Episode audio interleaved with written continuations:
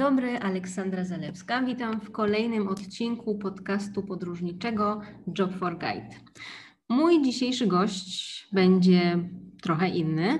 E, zaraz więcej o tym opowiem, ale najpierw dwa słowa wstępu. Podcast, którego słuchacie, został zrealizowany dla portalu Job for Guide z myślą o wszystkich tych, którzy tak jak my kochają podróże.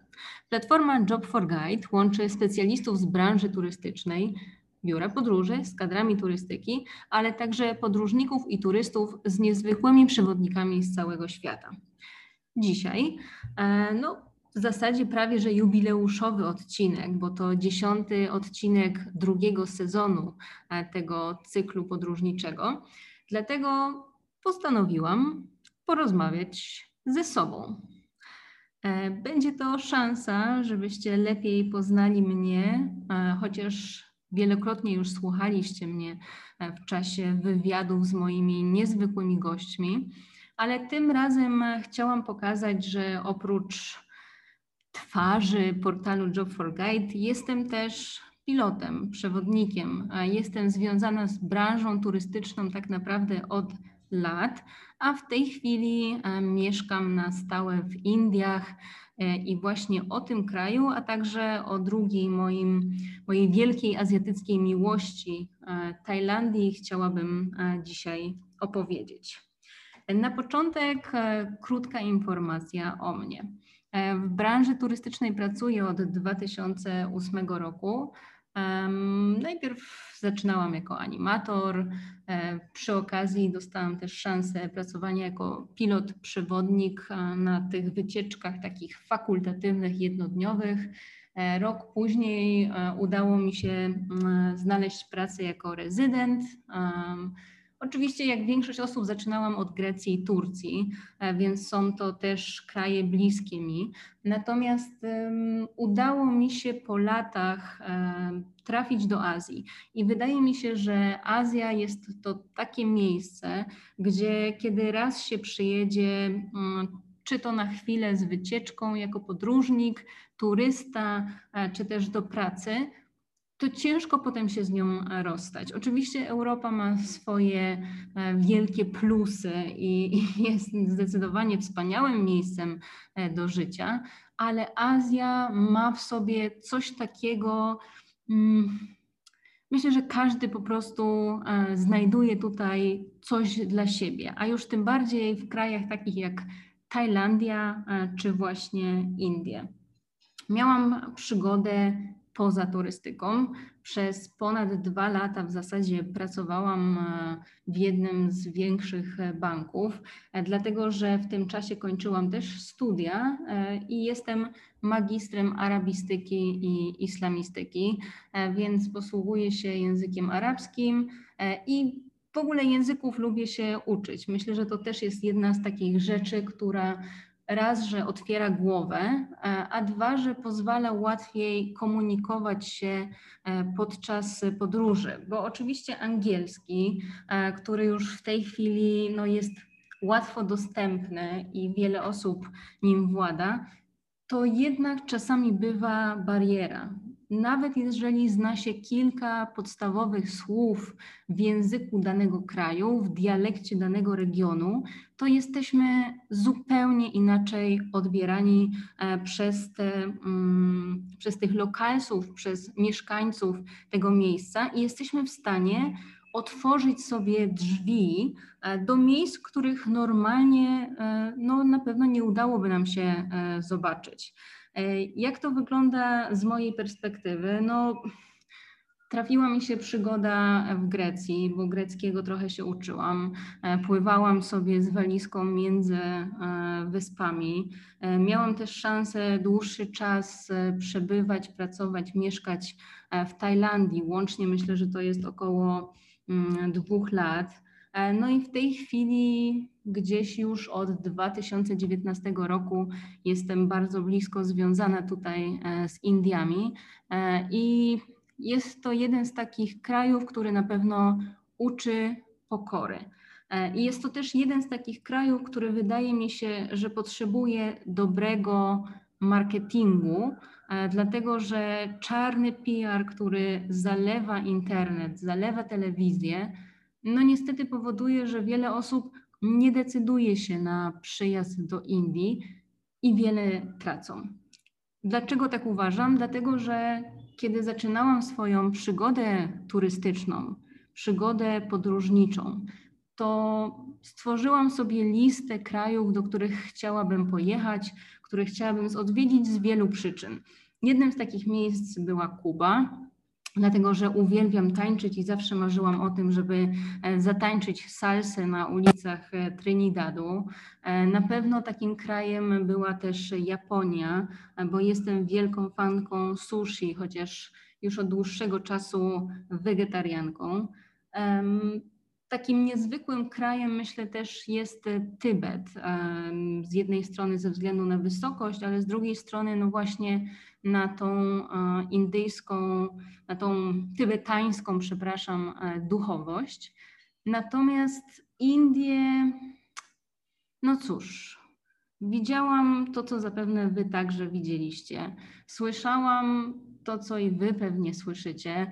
E, do tego doszły pewne lektury, które na pewno są ciekawe e, i warto po nie sięgnąć, ale zmieniają nasz sposób postrzegania tego kraju jeszcze zanim zdecydujemy się go poznać. I to nie jest dobrze. To jest coś, co tworzy uprzedzenia, a tych uprzedzeń na pewno powinniśmy no, walczyć z nimi, pozbyć się ich, jeżeli chcemy te Indie naprawdę dobrze poznać. Więc jeśli już wybieracie się do Indii, to musicie mieć świadomość, że jest to kraj ogromny. E, powierzchniowo w zasadzie jeden ze stanów indyjskich e, można porównać wielkościowo do jednego z krajów europejskich.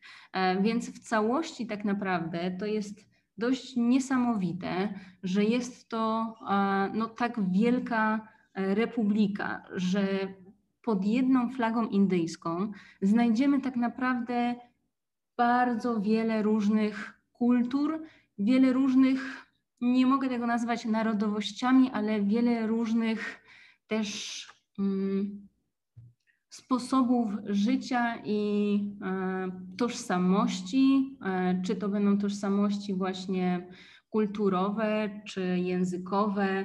Tak naprawdę podróż od stanu do stanu indyjskiego e, to jest podróż przez kraje europejskie, czyli każdy z nich na dobrą sprawę coś łączy, mają coś wspólnego, tak jakbyście jeździli po Unii Europejskiej, e, a z drugiej strony trafiacie w miejsca, które są całkowicie odmienne, całkowicie oryginalne, czy to pod względem właśnie jakiejś etnicznej e, grupy, e, czy też dialektu, czy to kuchni, czy też zabytków.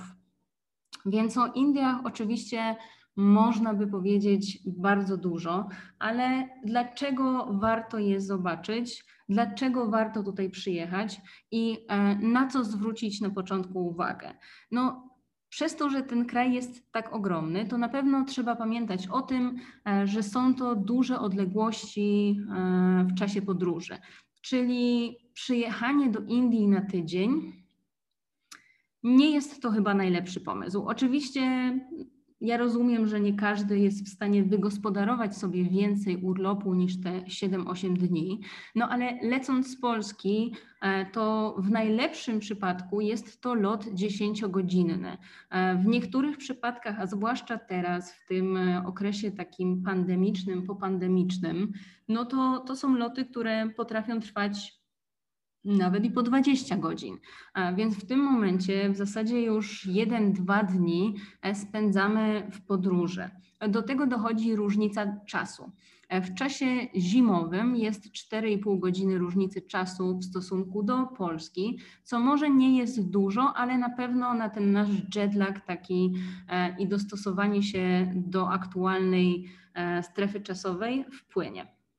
E, po przylocie do Indii, oczywiście no, przylecieć możemy do wielu różnych miejsc, co nie zmienia faktu, że najczęściej przylecicie albo na północ e, do stolicy Indii, do Delhi, albo mm, na południe do jednego z tych większych miast południowych Stanów, czyli do Bengaluru, e, który jest doliną krzemową Indii, stąd też wiele lotów właśnie tutaj, e, albo do lotniska Madrasu, tak naprawdę w tej chwili Madras to jest Chennai e, w stanie Tamil Nadu. I kiedy już tutaj przylecimy, no to oczywiście z jednej strony jesteśmy strasznie zmęczeni, a z drugiej strony jest tak wiele do zobaczenia, że trzeba sobie to dobrze rozplanować.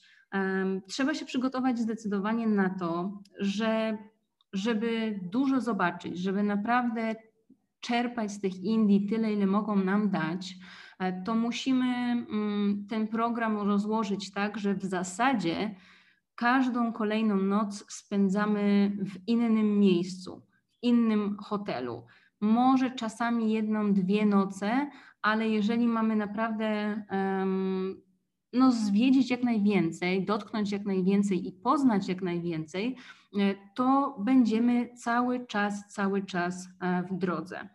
Mm, tych możliwości przemieszczania się jest wiele. Oczywiście w tych czasach e, pandemiczno-popandemicznych trzeba pamiętać o tym, że tak, z jednej strony mm, no, sytuacja w Indiach jest dość stabilna. E, ilość tych przypadków cały czas spada. E, do tego dochodzi kwestia wyzdrowień, które wynoszą 98%. Niewielki jest odsetek osób, które w tej chwili już są przypadkami śmiertelnymi ale no są e, stany, są miejsca, są miasta, w których ta sytuacja jest znacznie gorsza. Tak na przykład wygląda to w Mumbai, czy też e, Bombaju, jak niektórzy mówią, e, ponieważ jest to miasto bardzo, ale to bardzo zaludnione w stanie Maharashtra. Podobnie jest też w Kerali. Kerala jest to stan na południu i tutaj no, jest to zdecydowanie miejsce warte odwiedzenia, ale trzeba się liczyć z tym, że niestety Kerala była i pierwszym z tych stanów, który um, odnotował przypadki zachorowania i jest też jednym z tych stanów, który niestety najgorzej sobie e, z tym e, COVID-em radzi. E, w tej chwili do, do tego dochodzi jeszcze sytuacja taka, że w Delhi od jakiegoś czasu e, trwają protesty rolników. E, co za tym idzie, wiele miejsc e, jest czasami po prostu zablokowanych. Z jednej strony mogą być zablokowane po prostu ulice wjazdowe i wyjazdowe do z Delhi, ale czasami też no, traktory są po prostu postawione gdzieś w centrum, tak jak miało to miejsce w czasie święta Republiki, łącznie z tym, że przecież rolnicy weszli do Czerwonego Fortu. Czerwonego Fortu, który jest tak naprawdę z jednej strony symbolem upadku starych Indii, dlatego że pamiętajmy o tym, jak bardzo e, ten hinduizm był tutaj dominujący, a później pojawił się islam. I ten islam, kiedy on się pojawił tutaj w Indiach, XII-XIII wiek zaczął e, się rozwijać, no to właśnie powstał Czerwony e, Fort, który był mm, i do dnia dzisiejszego jest symbolem tak naprawdę e, władzy tej muzułmańskiej tutaj w Delhi, tutaj w Indiach. Natomiast z drugiej strony jest to miejsce, e, z którego została ogłoszona e, niepodległość e, Indii po tym, jak w 1947 roku no, czy Imperium Brytyjskie opuściło Indię, czy zostało z tych Indii wyrzucone, czy zostało do tego zmuszone, to to już jest kwestia na pewno na inną dyskusję i na rozmowę e, dla chętnych, e, jeśli do Indii e, przyjedziecie. Tak więc, jeżeli wybierzemy się w tej chwili do Indii, to musimy pamiętać o tym, że zarezerwowanie hotelu może być łatwe, ale w wielu hotelach te reguły sanitarne, te zasady takie e, ostrożności nie zawsze są przestrzegane. A nie oszukujmy się, że w dzisiejszych czasach ma to dla nas jednak duże znaczenie. Oczywiście mm, wybór hoteli w Indiach jest bardzo duży. Jeżeli porozmawiacie z kimś, kto podróżował po Indiach z plecakiem, to powiedzą Wam, że no generalnie tak sobie, trochę brudno, trochę tak po prostu, no żeby tam być, przetrwać i jechać dalej, zabytki ładne, ale reszta tak sobie. Prawda jest taka, że ilość hoteli jest ogromna. Do tego dochodzą oczywiście jeszcze wszelkiego typu mieszkania, apartamenty, e, ale hotele są o tak różnym standardzie. Nawet na dobrą sprawę hotel trzygwiazdkowy w jednym miejscu wcale nie musi być podobny do hotelu trzygwiazdkowego w miejscu drugim. Natomiast trzeba mieć świadomość, że jeżeli jesteśmy przyzwyczajeni do pewnego standardu e, u siebie w domu, to na pewno będziemy na ten standard zwracać też uwagę w trakcie naszej podróży. Więc e, dla osób, które chciałyby w miarę w komfortowych warunkach tą podróż e, przeżyć, e, radziłabym korzystać właśnie z hoteli od trzech gwiazdkowych w górę, cztery, pięć gwiazdek, gdzie pięć gwiazdek w Indiach, no miejscami myślę, że wykracza znacznie poza pięć gwiazdek, które są nam znane na przykład z Polski albo innych krajów e, europejskich. To będzie takie pięć gwiazdek plus. E, tutaj zwłaszcza e, no, na prowadzenie tak naprawdę wysuwają się dwie sieci hotelowe. Jest to sieć Touch i jest to sieć powiązana z Marriotem ITC. Jeżeli sobie wyszukacie w internecie jak te hotele wyglądają, jak one są tak naprawdę z punktu widzenia gościnności przygotowane, no to ciężko takie hotele w Europie po prostu znaleźć. Ale wracając do kwestii przemieszczania się po Indiach. Zdecydowanie w tych czasach e, korzystanie ze środków transportu publicznego nie będzie przeze mnie polecane, e, a to z prostej przyczyny, że znowu e, na początku, kiedy zaczęły się pojawiać przypadki w Indiach zakażeń COVID-em, to właśnie mm, rozprzestrzenianie największe wystąpiło w tych autobusach lokalnych, przemieszczających się między poszczególnymi stanami i tak właśnie tutaj do Karnataki e, trafiły pierwsze przypadki zakażenia COVID-em. Więc nie do końca e, w tym transporcie publicznym jesteśmy w stanie mieć kontrolę nad tym, co tam się dzieje. Um, oczywiście takiemu um, kierowcy, takiej firmie transportowej zależy na tym, żeby jak najwięcej miejsc sprzedać, więc nie mówimy autokarom całkiem nie, bo są autokary tak zwane luksusowe, które podróżują na przykład z lotnisk do jakichś większych miast.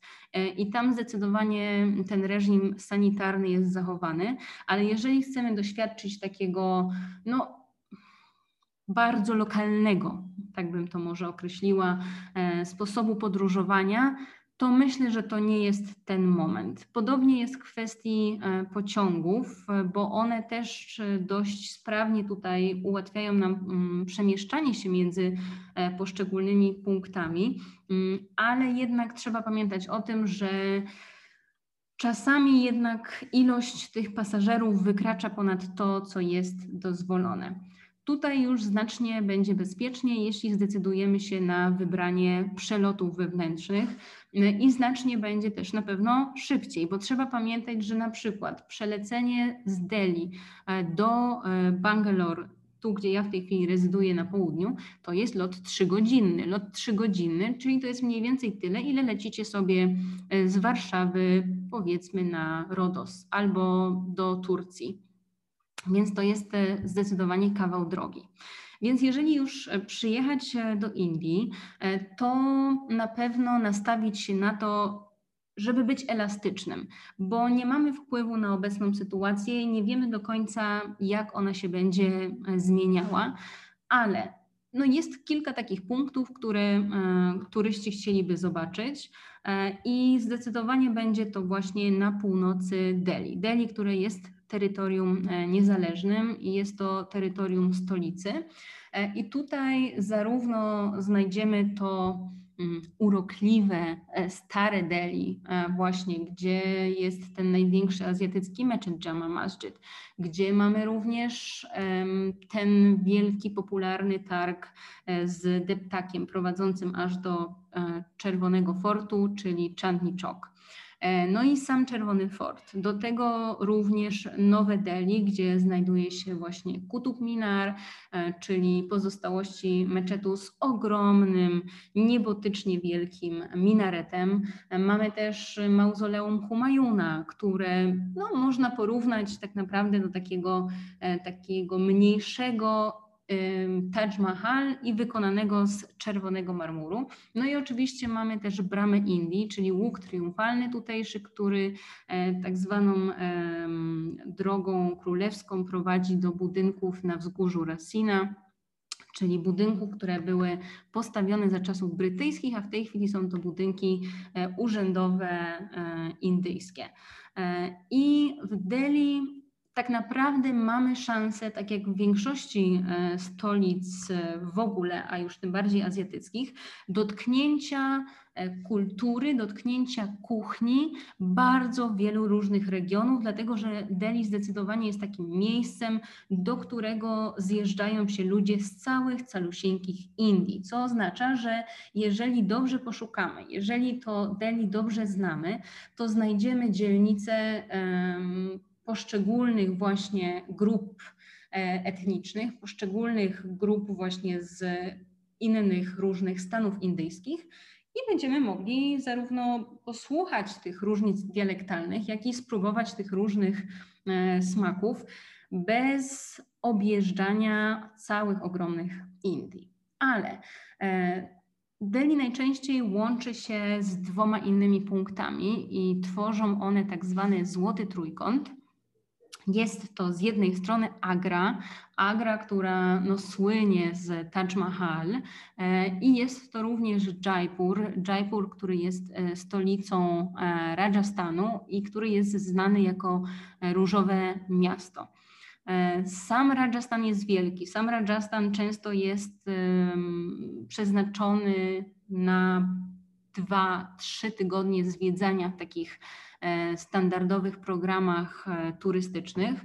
Mm, tutaj z punktu widzenia Agry, Taj Mahal, tak naprawdę cały ten, star, e, cały ten stan jest też dość duży, Natomiast jeszcze punktem, który bardziej poza złoty trójkąt w tej części kraju wychodzi, będzie na pewno Banaris, czyli nazywane po europejsku Varanasi gdzie no każdy chyba kojarzy e, właśnie gangę z tych kapłanów, braminów, którzy wieczorem e, ceremonię arti e, tam przeprowadzają. Również każdy kojarzy te gaty, czyli te, to wybrzeże mm, rzeki, na którym są palone zwłoki, dlatego że no wiele osób tutaj w kraju bardzo chciałoby, żeby właśnie po śmierci ich szczątki do tej rzeki właśnie e, trafiły. Więc jest to miejsce zdecydowanie dość oryginalne i wyjątkowe.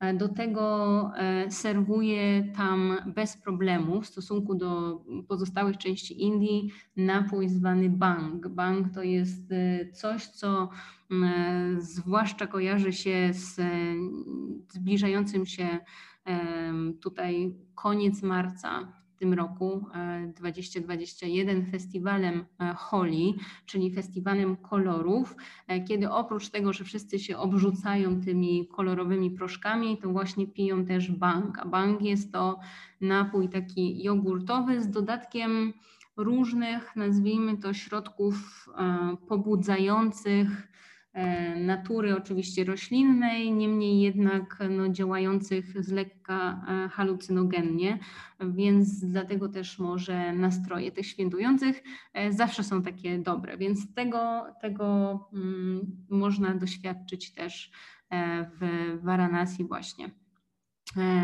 Oczywiście cała ta część centralna, wschodnia, zachodnia ma wiele do zaoferowania, ale trzeba pamiętać e, o tym, że Indie z jednej strony są krajem mm, i taką destynacją całoroczną, a z drugiej strony nie do końca, bo jeżeli mm, ktoś nastawia się na to, że ma być mu ciepło, ma mu być przyjemnie, ale nie za gorąco, to musi mieć świadomość, kiedy do tych Indii przyjeżdżać. Tutaj też oczywiście mm, myślę, że mogę odwołać się do moich rozmów z innymi pilotami i przewodnikami i każdy, kto podróżuje e, po świecie, zauważył, że zwłaszcza ta ostatnia dekada była bardzo, ale to bardzo um, znacząca um, z punktu widzenia zmian klimatycznych. Myślę, że każdy, kto um, do jakiegoś miejsca przyjeżdża i powraca, i powraca po latach, to widzi, jak bardzo klimat danego miejsca się zmienia. I tutaj powołam się właśnie na wypowiedź Agaty e, Wójcik, która mówiła o Indonezji, że no kiedyś ta pora deszczowa, gdzieś tam 2006 rok, to w zasadzie ściana deszczu przynajmniej przez 8 godzin e, i ciężko było się gdzieś ruszyć. W tej chwili, no w zasadzie jak godzinę, dwie poleje, e, to resztę dnia można sobie spokojnie zaplanować i myślę, że podobnie jest tutaj w Indiach. Z jednej strony mamy te miejsca, E, właśnie gdzie jest pora deszczowa, ale ona nie jest tak naprawdę uciążliwa, tak jak byłoby to jeszcze powiedzmy 10 lat temu. E, z drugiej strony mamy no właśnie to gorąco. E, I ono znowu też nie będzie aż tak uciążliwe, jak było jeszcze jakiś czas temu, bo o ile w niektórych miejscach, jak wiemy, ten klimat się ociepla, o tyle w niektórych się oziębia. W niektórych wody jest za dużo, w innych jest jej za mało. E, tak więc trzeba też mieć to na względzie. Jeśli nie jesteśmy jakoś bardzo wrażliwi na warunki pogodowe, to Indie możemy sobie przez cały rok tak naprawdę zwiedzać. Natomiast no, zbliża się tak naprawdę lato i wiele osób na lato wybiera te kierunki bliższe europejskie, ale lato, czyli czerwiec, lipiec, sierpień, to jest idealny moment na to, żeby wybrać się na północ, północ taką właśnie Indii, e, czyli te stany, te regiony e, położone w Himalajach i do tych Himalajów e, też przylegające. I tutaj właśnie mm, z Delhi możemy skierować się do Gujaratu, potem wyżej do Kaszmiru i Jamun. Możemy też pomyśleć o Himalchal. To są takie miejsca, gdzie no, znajdziemy piękne widoki górskie, gdzie znajdziemy ludność e, tybetańską, na przykład możemy trafić do e, letniej stolicy Dalaj Lamy, więc jeżeli będziemy mieć szczęście, to tego Dalaj Lamy też możemy tam spotkać. Więc tak naprawdę mm, już jesteśmy w stanie zobaczyć, że Indie ok, przeważająca ludność hinduistyczna, ale na północy zdecydowanie e, będziemy tutaj się czuli bardziej jak e, w Tybecie. Mm, w większości miejsc oczywiście trafimy też na te e, mniejszości muzułmańskie, tak to można określić, chociaż na dobrą sprawę w wielu miejscach, gdzie się nie rozejrzeć, to meczety tutaj e, kwitną jak e, grzyby po deszczu, więc tej ludności muzułmańskiej tak naprawdę raz, że jest coraz więcej, a dwa, że ona coraz mm, prężniej walczy o e, swoje prawa i tutaj coraz chętniej właśnie e, te swoje mm, no, prawa e, eksponuje. Z drugiej strony mamy tą większość hinduistyczną, zwłaszcza tutaj na południu Indii, która no, z jednej strony jest nastawiona bardzo pokojowo, która jest bardzo taka otwarta na dialog, ale jak to w każdym miejscu, e, zdarza się, że w świątyni po prostu jakiś, e, jakaś osoba, tak to może określę, która no, mm, jest bardziej fanatycznie nastawiona i e, robi różne rzeczy. Zwłaszcza myślę, że ten fanatyzm religijny, taki z punktu widzenia hinduizmu, można odczuć w stanie Tamil Nadu.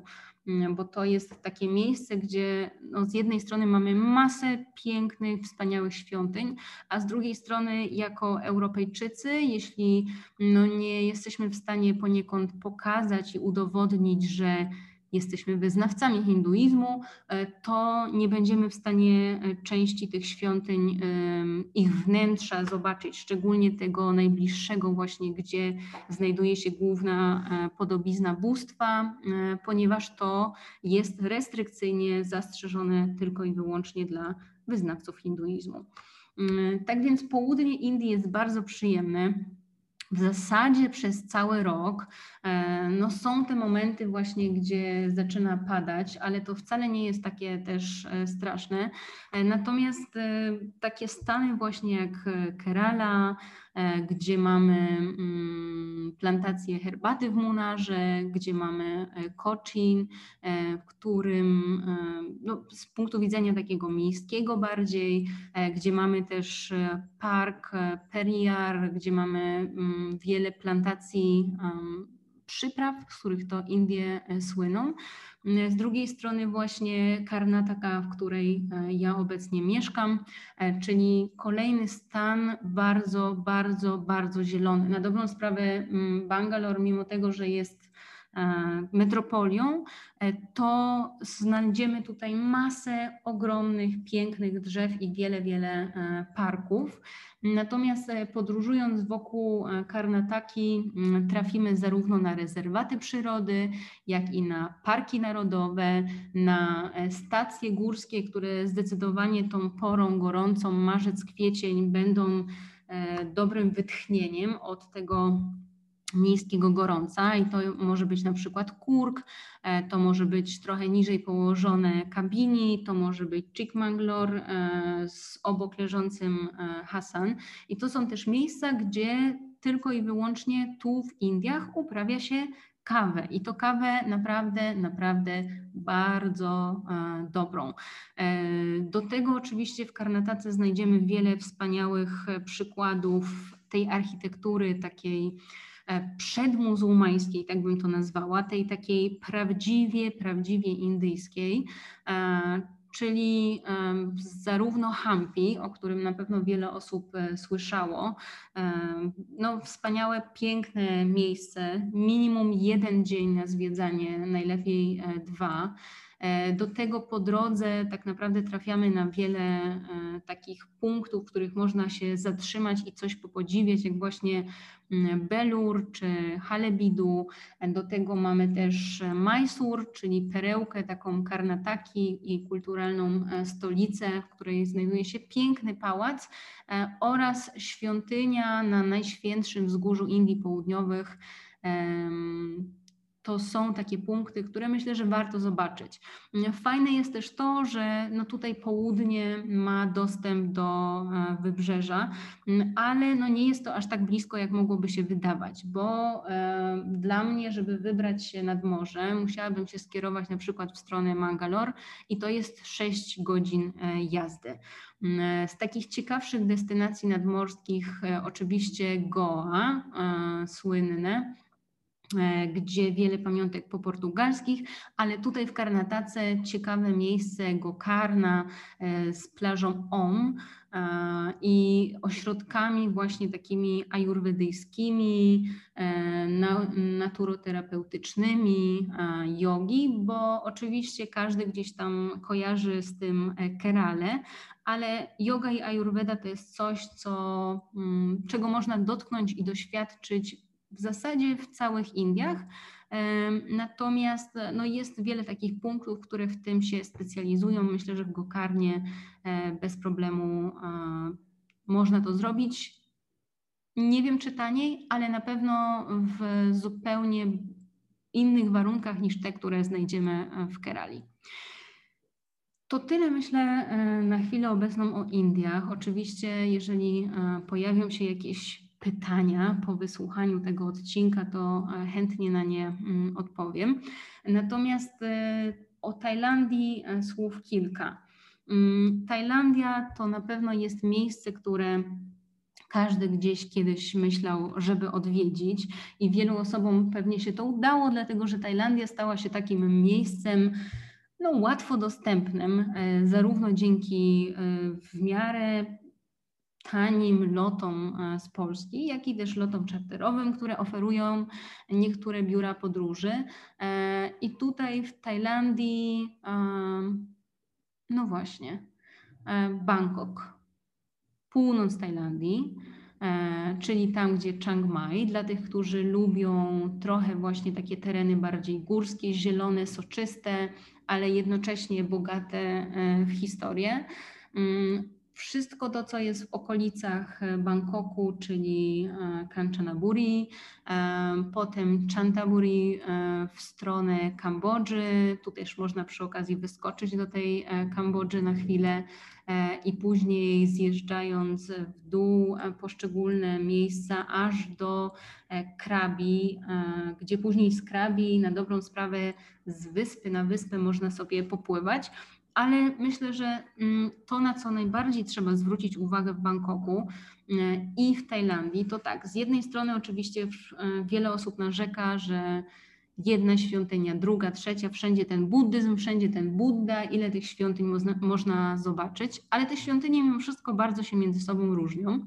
E, z drugiej strony mamy e, masę pięknych parków narodowych, które oferują nam zupełnie inne doświadczenia. Czyli z jednej strony znajdziemy e, wodospady, w innych wielkie jezioro, gdzie można dopłynąć do miejsc, gdzie w zasadzie tam sieć E, telekomunikacyjna już e, nie sięga, więc będzie to idealne miejsce na tech detox.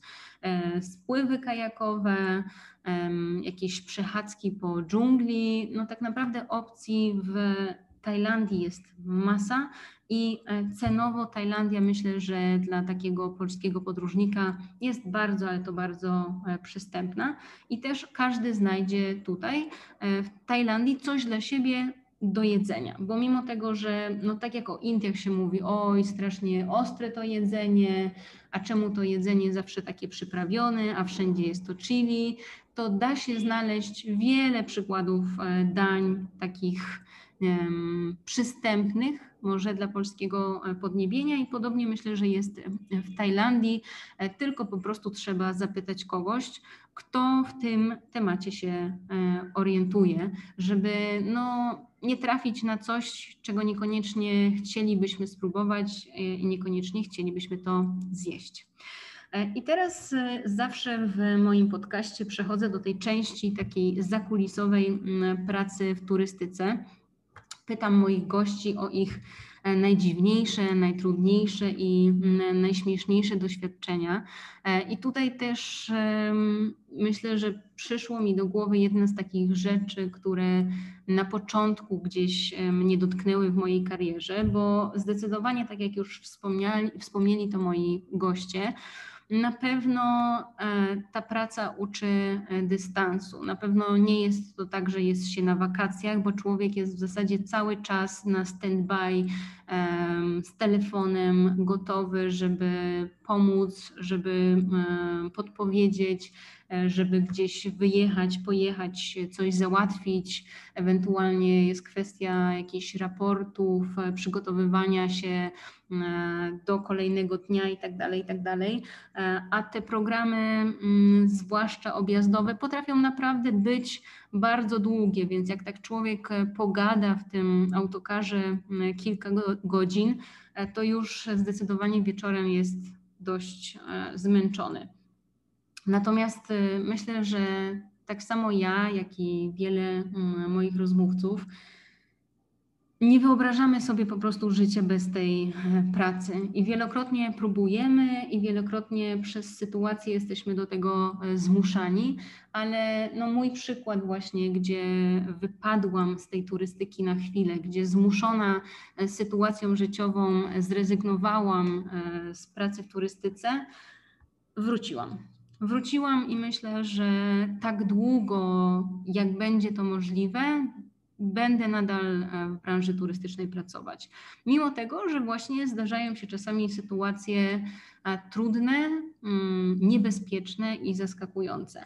E, I tutaj z takich śmieszniejszych myślę, to będzie sytuacja moja grecko-turecka, kiedy właśnie mm, jechałam z grupą tą jednodniową na rejs z Grecji do Turcji. Mm, wsiadając na statek, bo grupa z różnych hoteli, przedstawiłam się, e, powiedziałam, jaki będzie plan wycieczki. E, po wyjściu ze statku czekaliśmy na autokar, więc przypomniałam po raz kolejny, jak się nazywam, jaki będzie plan wycieczki. Wsiedliśmy do autokaru, oczywiście wzięłam mikrofon, przedstawiłam e, przewodnika lokalnego i powiedziałam, że no, Wiadomo, że nie zawsze może każdy mnie słyszał, ale już tutaj na pewno, bo mam mikrofon, więc przedstawiłam się po raz kolejny. E, i powiedziałam, gdzie dalej się wybieramy, na co słyszę pana, który siedzi za mną i mówi do żony, no, nawet się nie przedstawiła.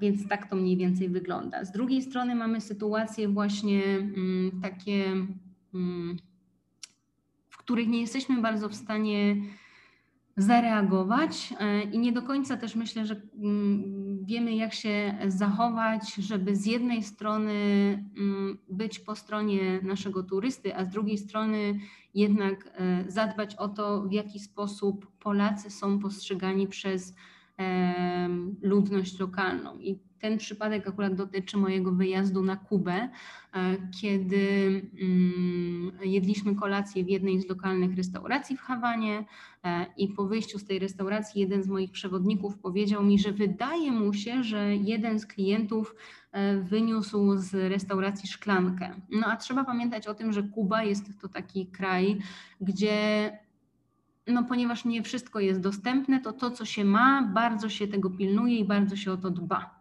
E, tak więc zadzwoniliśmy e, do restauracji zapytać, czy mm, nie zauważyli może zniknięcia e, czegoś ze stołu, więc powiedzieli, że tak, że zniknęły dwie szklanki, a te szklanki to żadna jakaś nie wiadomo jaka robota, tylko zwykłe takie dwie szklanki z Havana Club, które na dobrą sprawę kupicie sobie rum, nie wiem, w supermarkecie, e, to często w zestawie po prostu one się pojawiają. Natomiast no, ci Państwo akurat widocznie chcieli mieć taką pamiątkę, e, więc sobie te szklanki mm, spakowali. No i trzeba było potem tą sytuację rozwiązać. E, z jednej strony no, nie pokazywać palcem, ale no, dać sygnał, że jednak no, nie zostajemy obojętni na to i kradzież, jak aczkolwiek zawsze jest kradzieżą i, i nie ma na nią e, przyzwolenia. Tutaj też myślę, że z takich trudnych sytuacji to, co wiele osób mówi, to są te sytuacje związane z prawem lokalnym. I tutaj zdarzyło mi się, kiedy przyleciałam do Tajlandii, Mm, moja grupa czekała na walizki, mieliśmy już e, kierować się powoli do e, hotelu, ale byliśmy jeszcze wewnątrz przy e, bagażach. Natomiast druga grupa, drugiego przewodnika, który miał dopiero dolecieć, jeszcze czekała. I jedna rodzina od tego przewodnika podeszła do mnie i zapytała, czy oni by mogli tylko wyjść zapalić. Więc ja im bardzo sugerowałam, że to nie jest dobry pomysł, żeby się oddalać od grupy e, i że tu im będzie bezpiecznie i że tu potem ich nikt nie będzie szukał, no ale zdecydowali się, że na własną odpowiedzialność wychodzą. I kiedy na własną odpowiedzialność wychodzili, czego na pewno nie dałoby się zauważyć, e, kiedy idzie grupa, e, celnicy wyhaczyli, że oni niosą torby z wolnocłówki z jednych sportów przesiadkowych i mają w nich dużo papierosów. Dużo papierosów, a tutaj akurat Tajlandia e, no, ma te obostrzenia takie tam jeden, nazwijmy to wagon papierosów, jeden litr alkoholu na głowę. Natomiast oni mieli tam prawie czy ponad po trzy. E, więc e, przyszło mi w imieniu tego nieobecnego jeszcze mm, pilota e, negocjować warunki zwolnienia tych osób, więc wymyślałam różne scenariusze, jak ich z, tych, z tego cła wyciągnąć, bo celnicy akurat w Tajlandii są bardzo, ale to bardzo jakby to nazwać, nieprzekupni, może tak to określę, e, i żadnymi prośbami, groźbami e, nie chcieli e, tych państwa wypuścić, dopóki nie zapłacą kary. Więc ostatecznie trwała tylko kwestia negocjacji tej stawki i później udało się tych turystów z tej dziwnej sytuacji i strasznej zarazem uwolnić. To tak z grubsza z mojego doświadczenia zawodowego.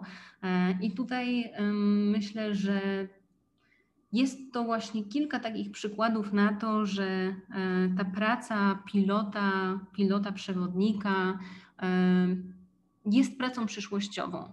Natomiast jeżeli ktoś się na taką pracę decyduje, to zdecydowanie E, nie może sobie pozwolić na e, myślenie, że wyjeżdżając, wyjeżdża właśnie na urlop, że wyjeżdżając jedzie w jakieś ciepłe miejsce, gdzie będzie sobie zwiedzał, plażował, a przy okazji zajmował się e, grupą, bo o ile mm, w wielu miejscach da się liczyć na przewodników lokalnych, którzy z punktu widzenia wiedzy merytorycznej o kraju czy regionie nam pomogą, o tyle mm, jest wiele sytuacji tak nieprzewidywalnych w pracy z ludźmi i w tej właśnie pracy, że trzeba mieć stalowe nerwy i też e, no, być bardzo elastycznym pod kątem właśnie postrzegania e, czasu i e, umiejętności dostosowania się właśnie do grupy.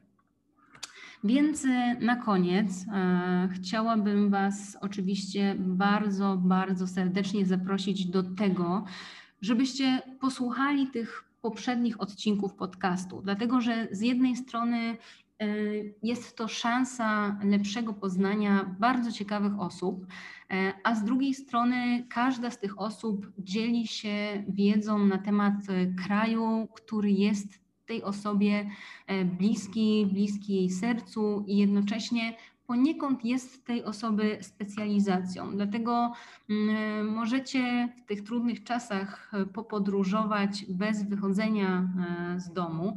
Mm, mamy dla Was właśnie nagrania, mamy dla Was artykuły na Facebooku Job for Guide, które też przybliżą Wam wiele ciekawych miejsc. E, do tego, mm, tak na dobrą sprawę, jeśli poszukacie, to w tej chwili jest wielu, wielu specjalistów, którzy e, opisują e, swoje doświadczenia w e-bookach. E, i myślę, że to też jest warte Waszej uwagi, e, dlatego że oczywiście mamy masę mm, podróżników, blogerów e, podróżniczych, którzy z miejsca na miejsce gdzieś tam przeskakują, mają 200 tysięcy osób śledzących na YouTubie, na Instagramie, wrzucają jakieś super focie, ale niestety ich wiedza merytoryczna na temat danego kraju nie zawsze